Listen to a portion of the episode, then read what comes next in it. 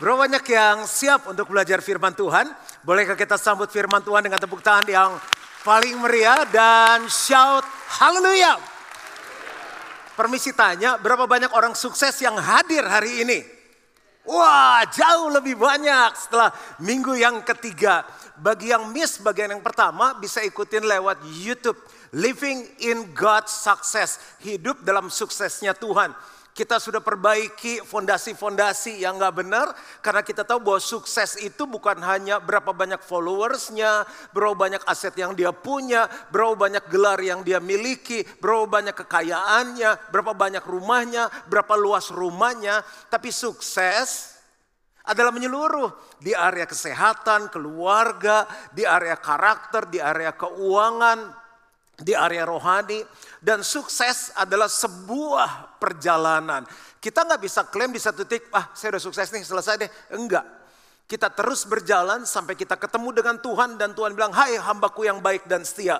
Masuklah dan ikutlah dalam kebahagiaan Tuhanmu. Selama masih dikasih hidup, masih terus berjalan sampai sukses. Dan yang berikutnya yang terakhir kita belajar sukses itu jangan pakai konsep dunia, tapi pakai konsepnya Tuhan. Kita baru bahas bagian satu dan bagian dua sedikit sekali. Kita ulang, sukses yang pertama yang menurut Tuhan adalah apa? Hidup menurut kehendak dan tujuannya Tuhan.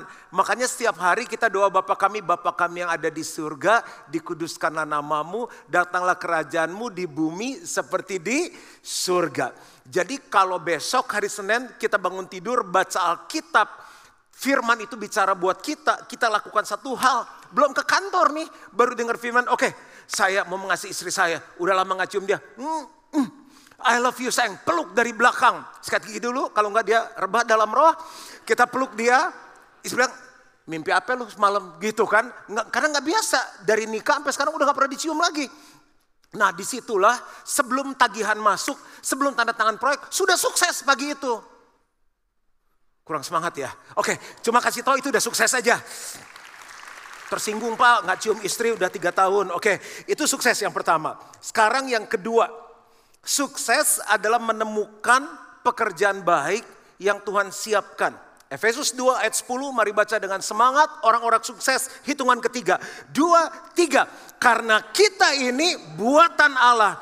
Diciptakan dalam Kristus Yesus untuk melakukan pekerjaan baik yang dipersiapkan Allah sebelumnya. Ia mau supaya kita hidup di dalamnya. Jadi Tuhan itu udah punya plan yang luar biasa.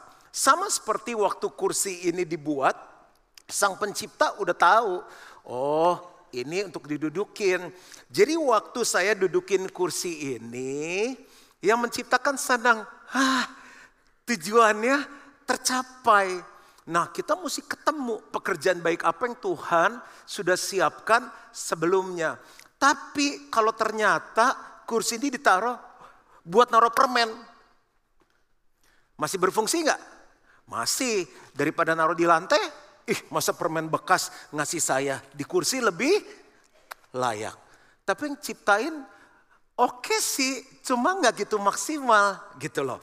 Nah ada pekerjaan baik yang harus kita temukan. Waktu saya pelajari apa sih pekerjaan baik, coba kita tulis-tulis sebentar di depan.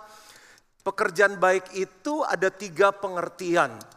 Yang pertama itu adalah fungsi kita, fungsi kita di dunia, ya. Nah, kenapa saya tulis biar kita ingat. Ini yang pertama. Ini ada hubungannya dengan Kejadian 1 ayat 26 sampai 28. Baiklah kita menjadikan manusia menurut gambar dan rupa kita supaya mereka berkuat atas ikan-ikan di laut, burung-burung di udara dan atas segala binatang melata yang ada di bumi ini. Lalu Allah memberkati mereka dan Allah berkata, beranak cuculah, penuhilah bumi, taklukkanlah itu. Nah untuk menaklukkan bumi kan diperlukan berbagai macam fungsi. Makanya kalau kita baca terus kejadian dua, kejadian tiga manusia jatuh dalam dosa, kejadian empat pada beranak cucu, ada yang beternak, ada yang jadi pemain musik, ada ahli tembaga, ada ahli besi. Bayangkan kalau semua nggak ketemu pekerjaan baik, nggak ada yang mau jadi dokter, nggak ada yang mau jadi polisi, nggak ada yang mau jadi politician, nggak ada yang mau jadi artis, nggak ada hiburan, nggak ada hukum, nggak ada macam-macam. Nah kita mesti temukan. Ah gampang, ada banyak orang sebenarnya ya udahlah kita sebenarnya terjebak ya kakek dagang, bapak dagang, masa kita pelukis? Kan cocok, darahnya nggak lurus. Pedagang terus sudah tinggal di daerah pedagang, sudahlah jadi pedagang. Mata, perut, tongkrongan pedagang, sudahlah pedagang. Nggak gitu. Cari tahu pekerjaan baik yang Tuhan siapkan sebelumnya. Apa fungsi kita di dunia? Udah ketemu belum semuanya? Saya pikir dulu saya mau jadi pebisnis. Papa saya bisnismen, keluarganya teman-temannya bisnismen, ketemu pebisnis, dengerin orang ngomong bisnis, dengerin cerita bisnis, makanya saya beli buku-buku bisnis, makanya saya mau sekolah bisnis. Selesailah sekolah bisnis saya S1. Tapi setelah sekolah bisnis selesai, saya ikut New Life, di tengah ikut New Life, Roh Kudus terus ngajarin saya. Ternyata panggilan saya, pekerjaan baik saya di dunia ini jadi pendeta. Kalau semuanya jadi pedagang, pedagang ke gereja, siapa yang mau khotbah? Gak ada. Jadi saya udah ketemu nih. Nah yang kedua pekerjaan baik itu adalah fungsi kita di dalam tubuh Kristus. Di gereja lah atau tubuh Kristus lebih nyambung ya. Bahasanya lebih kena. Ini ada di mana? Di 1 Korintus pasal yang ke-12. Kan dikatakan kamu adalah tubuh Kristus. Yesus Kristus adalah kepalanya, kita apa ini namanya? anggotanya. Makanya ada kuping, ada mata, ada hidung, ada tangan, ada kaki. Kalau mata di sini cocok nggak? Kalau badan nggak ada tangan bisa berfungsi dengan baik nggak? Nggak bisa lah. Nalin sepatu kan perlu dua tangan. Jari ini kalau nggak lengkap nggak bisa berfungsi. Ini buat apa?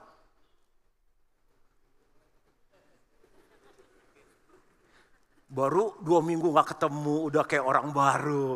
Ini buat apa? Ini pelajaran dasar sekali loh. Ini tuh apa?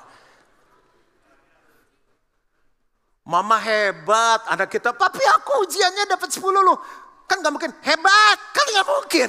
Hebat gitu. Nah ini buat apa? Ih jorok, masa ngupil? Serendah itu kah? Uh, uh, uh, Tuhan uh, anak-anakku ini aku ciptakan tunggu ngupil. Enggak kali, coba temukan lagi lah pekerjaan baik dari si kelingking ini. Direkam lagi di Youtube, masa ini buat, jadi selama ini ngupil pakai ini.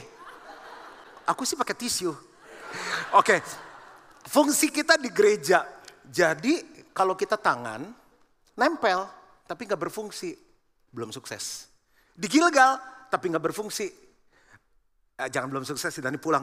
33,3 persen, karena ada tiga kan, 33,3 persen sukses. Mulai hari ini selesai, mikir, saya di Gilgal ini fungsinya apa ya? Jangan-jangan asyir, jangan-jangan singer, jangan-jangan khotbah penerusnya Pastor Juan. Amin lah, bagus banget ini. Bagian ini bagus sekali. Udah susah berat ya kalau di sini. Nah, siap yang ketiga? Ini baru dua udah gak ada amin nih. Yang ketiga siap? Ini baru, kalau ini lulus baru 66 100 bagi 3 itu berapa? 33,3, 66,6 persen. Coba kita lihat yang ketiga. Ah, ini adalah fungsi kita udah benar di dunia, fungsi kita di gereja udah benar. Ini adalah apa? Nilai yang benar. Jadi pekerjaan baik adalah pekerjaan yang punya nilai yang benar. Ini dari 2 Korintus 5 ayat 17. Barang siapa yang ada di dalam Kristus, ia adalah ciptaan yang baru, yang lama sudah berlalu, sesungguhnya yang baru sudah datang. Ada banyak orang udah ketemu, saya memang dagang Pak pebisnis, tapi dagangnya untuk aku, dagangnya dengan cara aku, dengan cara dunia, tipu kiri kanan, bohong kiri kanan. Nah, ini yang melengkapi kita jadi punya pekerjaan baik yang benar. Harusnya gimana? Semua yang kita lakukan ini Sukses nomor dua, semuanya kita lakukan untuk Tuhan dan harus menghasilkan buah yang memuliakan nama Tuhan. Semuanya harus dilakukan untuk Tuhan dan menghasilkan buah supaya dengan buah itu nama Tuhan dipermuliakan. Ini pekerjaan baik. Kalau ini udah, ya ini Pak udah siapa sih yang nggak tahu saya pedagang sukses baru 33,3 persen. Pak siapa yang nggak tahu saya tuh asir di depan Pak. Saya baru salam orang udah nangis di jamaah Tuhan 33,3 persen. Tapi kalau caranya nggak benar, Termasuk saya udah ketemu pendeta, pendetanya nggak benar, pendetanya nggak menghasilkan buah, gerejanya bertumbuh tapi untuk aku siapa nih Juan Mogi? Saya gagal. Ini harus juga punya porsi 33,3 persen. Menjadi 100 persen. Tuh sukses nomor dua. Sekarang kita masuk ke anak-anak. Aduh, salah didik dong. Saya ketemu berbagai macam orang. Suatu saat saya janjian sama teman, saya bilang, dari mana? Dari showroom mobil. Lu mau ganti mobil? Enggak, ngajarin anak. Ngajarin anak di showroom mobil, iya. Terus di sebuah daerah dia tunjuk. Di hati saya itu kan showroom mobil-mobil mewah. Gimana lu ngajarinnya? Bilang, bagus nggak mobilnya? Bagus. Pengen punya? Pengen. Makanya jadi orang sukses, jangan males. Anaknya dari kecil udah belajar, oh sukses mobilnya yang bukannya ke atas pintunya. Tapi ternyata setelah kita belajar, itu bukan sukses yang Tuhan mau. Anak-anak ngajarinnya mesti benar. Contoh, saya sering sekali bertanya sama anak saya, Carisa, udah besar mau jadi apa? saya bilang, terlalu sulit kali baru 4 tahun. Gak apa-apa, pokoknya saya pengen nanya aja. Daripada nanti keburu kuliah, mau kuliah apa? Menurut papa apa ya? Lu gimana sih gue sekolah yang tinggi-tinggi, lu bego, milih kuliah aja gak bisa. Kita gak pernah nanya, begitu mau kuliah dia bingung, kita bilang dia bego. Jadi menurut saya, dari survei hasil konseling, saya tanya dia dari kecil. Sampai saya mau jadi, belum tahu deh, saya arahkan. Apa aja sih bidang pekerjaan, kamu google, dari temenin. Nah ini dead, ini dead, oh ini susah dead. Saya bilang, Cak, nggak ada kerja yang gampang. Semuanya susah, biar oh gitu, restoran. Anak saya suka makan, jelas turunnya dari mana? Restorannya bagus nggak cak? Bagus. Hmm, makannya enak, top. Kita selalu pakai rating 0 sampai 10 di berapa? Berarti ada chefnya. Ica mau satu saat jadi pemilik restoran? Gak ada, susah kayaknya. Oke, jadi chefnya? Enggak deh, kayaknya kalau untuk masakin banyak orang ini enggak. Udah. Yang penting saya udah kasih dia option. Paling enggak dia tahu apa yang dia suka gitu kan. Ke gereja. Dad, hari ini seharian ya iya. Kenapa sih Dad udah gak khotbah di youth lagi? Karena Dedi udah umur sekian. Dan mereka udah atur jadwalnya. Oke. Okay. Kenapa gak pensiun aja Dad? Uh saya bilang kan saya sendiri ngomong saya udah umur sekian. Terus dia bilang kenapa gak pensiun aja? Belum, belum, belum masanya saya bilang ini. Cak, uh, mau gak kamu jadi pendeta? Ngapain? Tergantiin Dedi. Enggak, enggak, enggak, enggak, enggak, restoran enggak, pendeta enggak. Saya kadang bingung nih, aduh nih anak gimana gue ngajarin orang sukses. Saya selalu doa Tuhan, waktu mau pergi sekolah kan saya temuin Tuhan, biar dia ketemu pekerjaan baik yang Tuhan sudah siapkan sebelumnya. Dia hafal lah doain calon suami yang bukan dari Tuhan, dilarang mendekat. Nah saya cuma info sekeras itu saya doa, dilarang mendekat, tepat pada waktunya ketemu calon suami yang terbaik. Dia tahu mau kuliah di mana, ambil bidang apa, mau kerja apa, pekerjaan baik Tuhan siapkan. Semakin tahu banyak doanya udah semakin spesifik. Oke, ibu-ibu sekarang. Ya, jadi kalau sama anak tuh jangan ngomong asal, diarahkan. Bu, aduh Pak, saya kayaknya terlambat Pak khotbahnya, udah telanjur kawin. Mandiin kucing, ganti lampu, jemput anak sekolah, antar anak sekolah, uh, ngelesin, udah sekalian lah bikin PR, ujian segala, udah gitu. Sabtu capek lah, udah GWF bikinnya Sabtu, hari istirahat lagi, Minggu gereja. Bu, enjoy the season, tapi ada masa depan, ada sukses yang Tuhan siapkan bagi hidup ibu. Kan waktu istri saya mengandung, punya dia bilang, sayang boleh enggak? Aku enggak ikut kamu dulu pelayanan, aku mau muridin anak sendiri. Teman-teman saya bilang begini, tuh si sus yang kerja malu enak banget ya, yang masak istri lu, yang jaga dia bilang gini, beda kalau muridnya anak sendiri ya udah, saya bilang nggak apa-apa. Jadi ke mana-mana saya ditemenin sama orang lain, tiba-tiba yang kemarin saya cerita itu, dia mulai nulis lagu. Bapak Ibu Saudara 22 Oktober ada acara nggak? Kok curiga? Cuma nanya loh 22 Oktober ada acara nggak? Kosong nggak? Kosong. Saya mengundang pas hari Minggu nih, istri saya mau launching lagunya yang kedua. Tuh kan bawahnya udah curiga, diundang apa ini 22 Oktober. Dan thank you untuk supportnya, berapa hari yang lalu viewers di YouTube-nya udah satu juta lebih. Saya berpikir dulu ya udah dia jadi istri pendeta, dia diam di rumah, gedean anak. Ternyata Tuhan punya rencana yang berbeda. Bu, temukan pekerjaan baik yang Tuhan sudah siapkan sebelumnya. Sekarang yang senior, pensiun. Saya ketemu orang tuh suka ngobrol. Jadi om, sekarang kegiatannya apa nih sibuknya?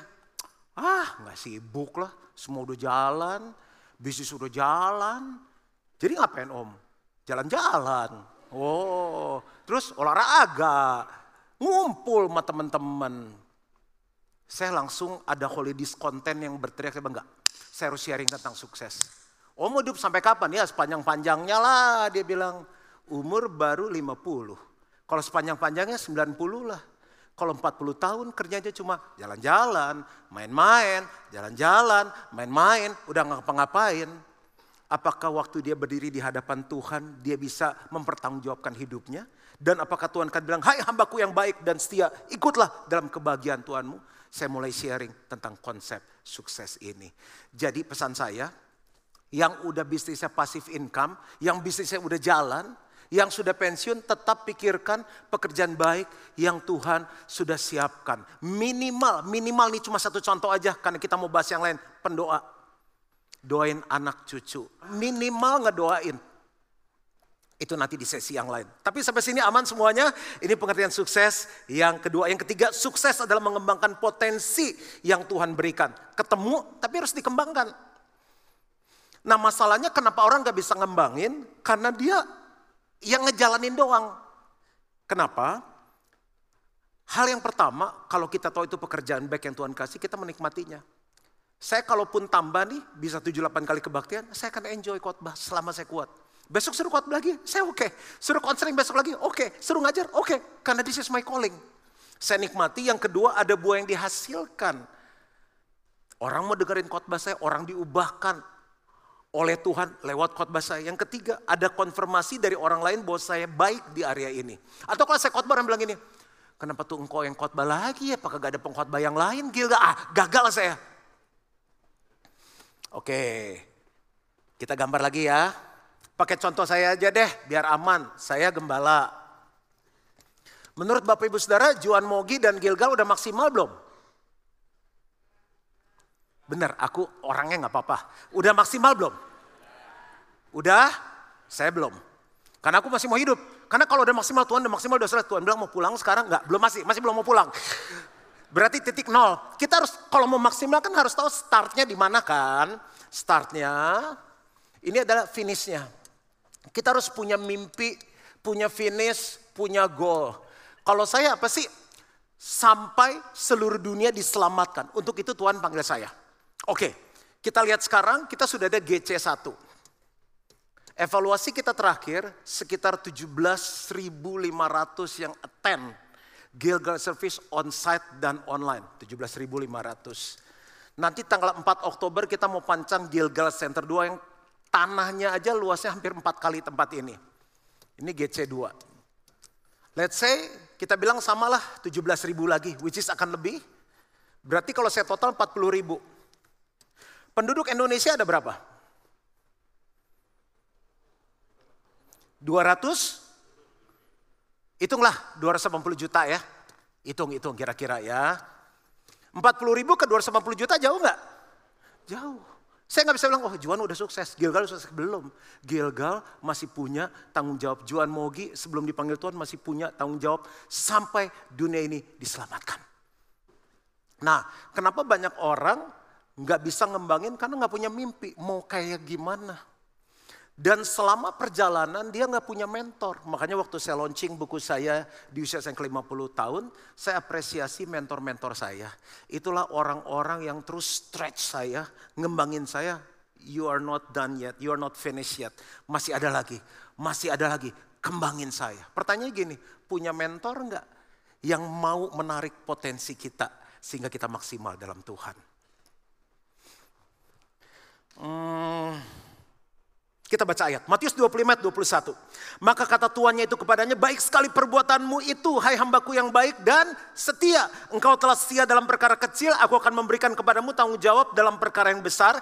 Baca sama-sama, dua, tiga, masuklah dan turutlah dalam kebahagiaan Tuhanmu. Orang yang mengembangkan potensinya adalah orang yang bahagia.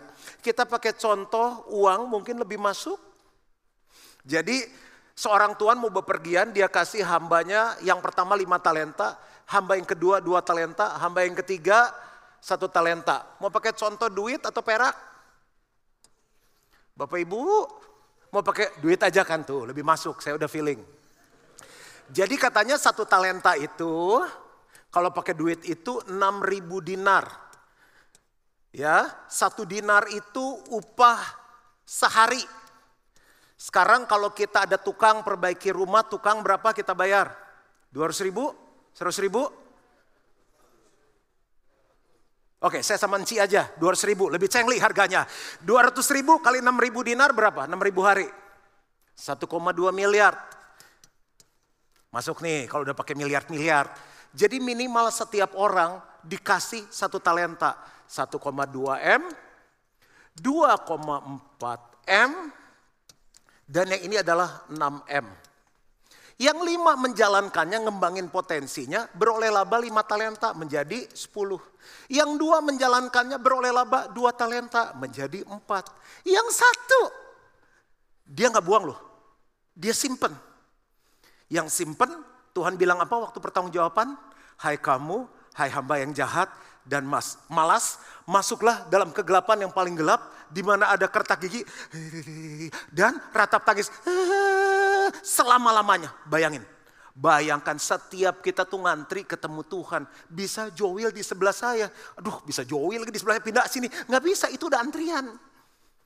Saya cuma berdoa semua GBI Gilgal. Begitu ngantri ketemu Tuhan, Tuhan begini. Hai hambaku yang baik dan setia. Ikutlah dan masuklah dalam kebahagiaan Tuhanmu. Doa saya. Oke. Nah dia satu nih, makanya orang nggak ngembangin talenta ya di gereja, di kantor, di mana orangnya jadi sirikan, ngirian, jadi jahat loh. Dia bilang apa? Kok satu nggak dikembangin? Saya pikir Tuhan Tuhan yang jahat. Bayangin, saya kasih Joel 1,2 miliar cash Jo. Terus kamu bilang saya jahat. Yang error saya atau kamu? Dia yang error. Dikasih satu komodi itu kepercayaan talenta. Kembangin. Mau satu, mau setengah, mau 0,3, kembangin. Pasti sukses. Saya kasih bukti. Yang satu kalau dikembangin, untung satu jadi berapa? Dua. Untung dua jadi berapa? Uh kalau untung cepat sekali. Empat. Untung empat jadi berapa? Delapan. Delapan untung delapan jadi berapa? Enam belas. Enam belas untung enam belas jadi berapa? Tiga dua. Berarti dia akan lebih dari yang lima talenta.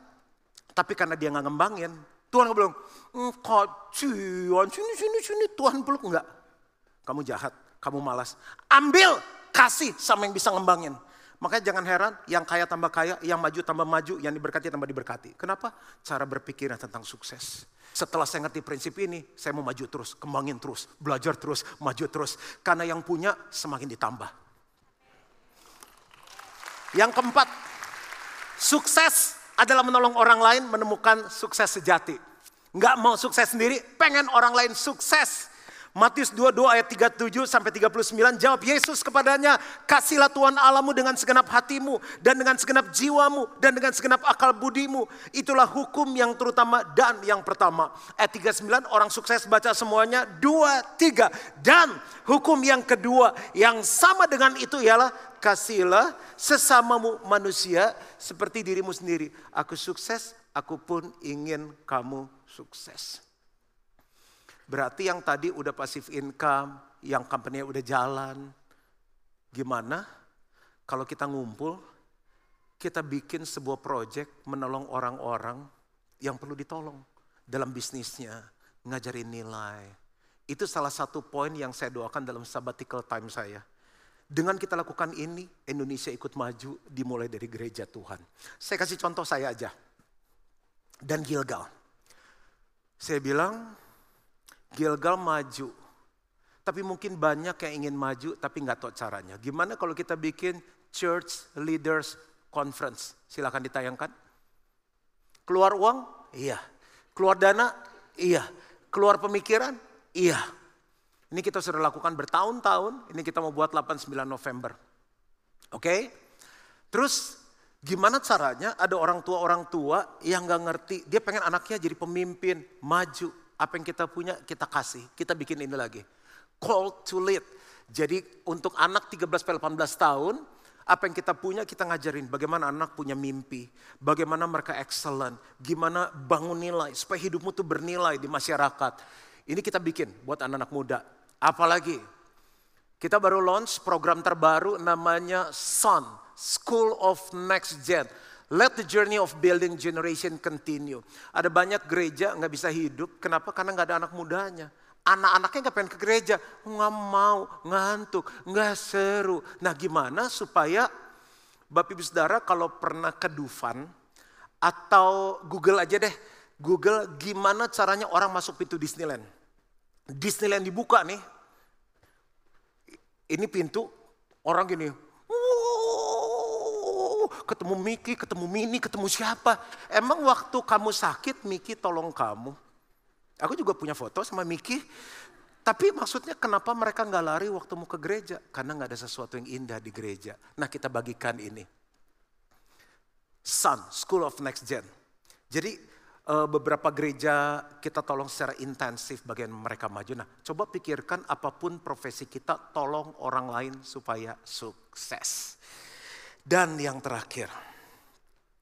Sampai sini kita belajar sesuatu Sukses adalah sebuah perjalanan sampai kita menjadi serupa dengan Kristus.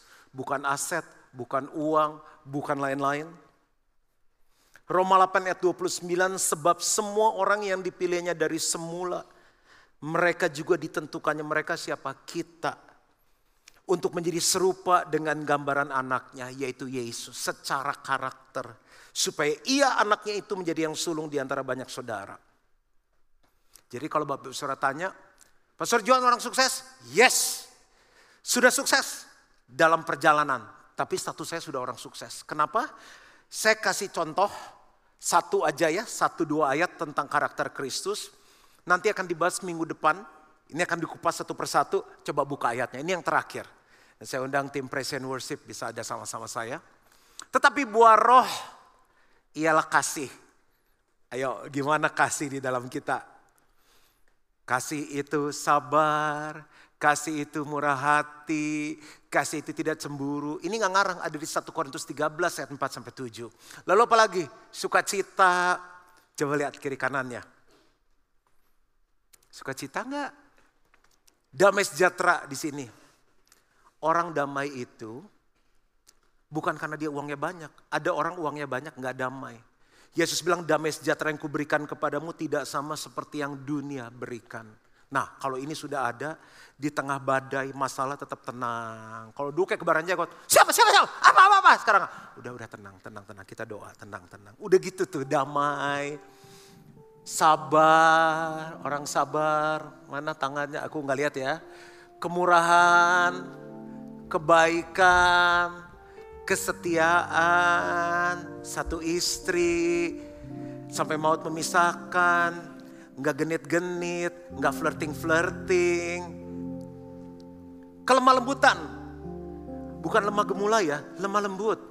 Lemah lembut gini, nggak mudah marah, nggak mudah emosi, nggak mudah tersinggung, nggak mudah kecewa, nggak mudah dendam, nggak mudah pahit, mudah dikasih tahu, dinasehati. Penguasaan diri. Yang di depan masih belajar. Kemarin selesai Precious Love, kita makan dobil. Itu apa sih? Enggak, enggak, enggak ada di Alkitab. Dah, nanti kelas lain. Itu nasi babi Bali, Dah, saya udah janji nasi putihnya tiga sendok aja. Tiga sendok. Ada teman-temannya, saya jujur. Pengen ngopi, biasakan ngopi. Terus ada kue tuh enak banget di Bali. Saya bilang saya gak makan sweets dulu. Tapi udah dua, habis enak banget kapan lagi ke Bali kan dua. Itu sekitar mungkin jam 3 waktu Bali. Berarti jam 2 Jakarta. Tapi saya hitung kalori hari itu. Berarti saya gak makan lagi, Sore, malam, sampai besok pagi ketemu lagi, roti gandum toast. Sama alpukat, telur rebus satu. Mulai kelihatan gak muka Yesus? Belum ya? Oke. Okay. Gak maksudnya saya pun berjuang. Yang lain kan kecewe ke mana. Saya tuh kalau lihat makanan kenapa enak banget. Life is once. Tapi gak bisa. Saya khotbah, saya harus jadi contoh. Udah ya? Jelas lah segini udah panjang sekali. Doa saya, kita semua ketemu Tuhan, semuanya kita nggak bisa bawa. Mobil mewah kita, aset kita, villa kita nggak bisa dibawa. Jam tangan semua nggak bisa dibawa. Mending bagi buat anak-anak. Tapi kita akan ketemu Tuhan Saya lagi bayangin ini kita semua berdiri. Hai hambaku yang baik dan setia. Ikutlah dan masuklah dalam kebahagiaan Tuanku. Amin. Tuhan memberkati. Mari bangkit diri sama-sama.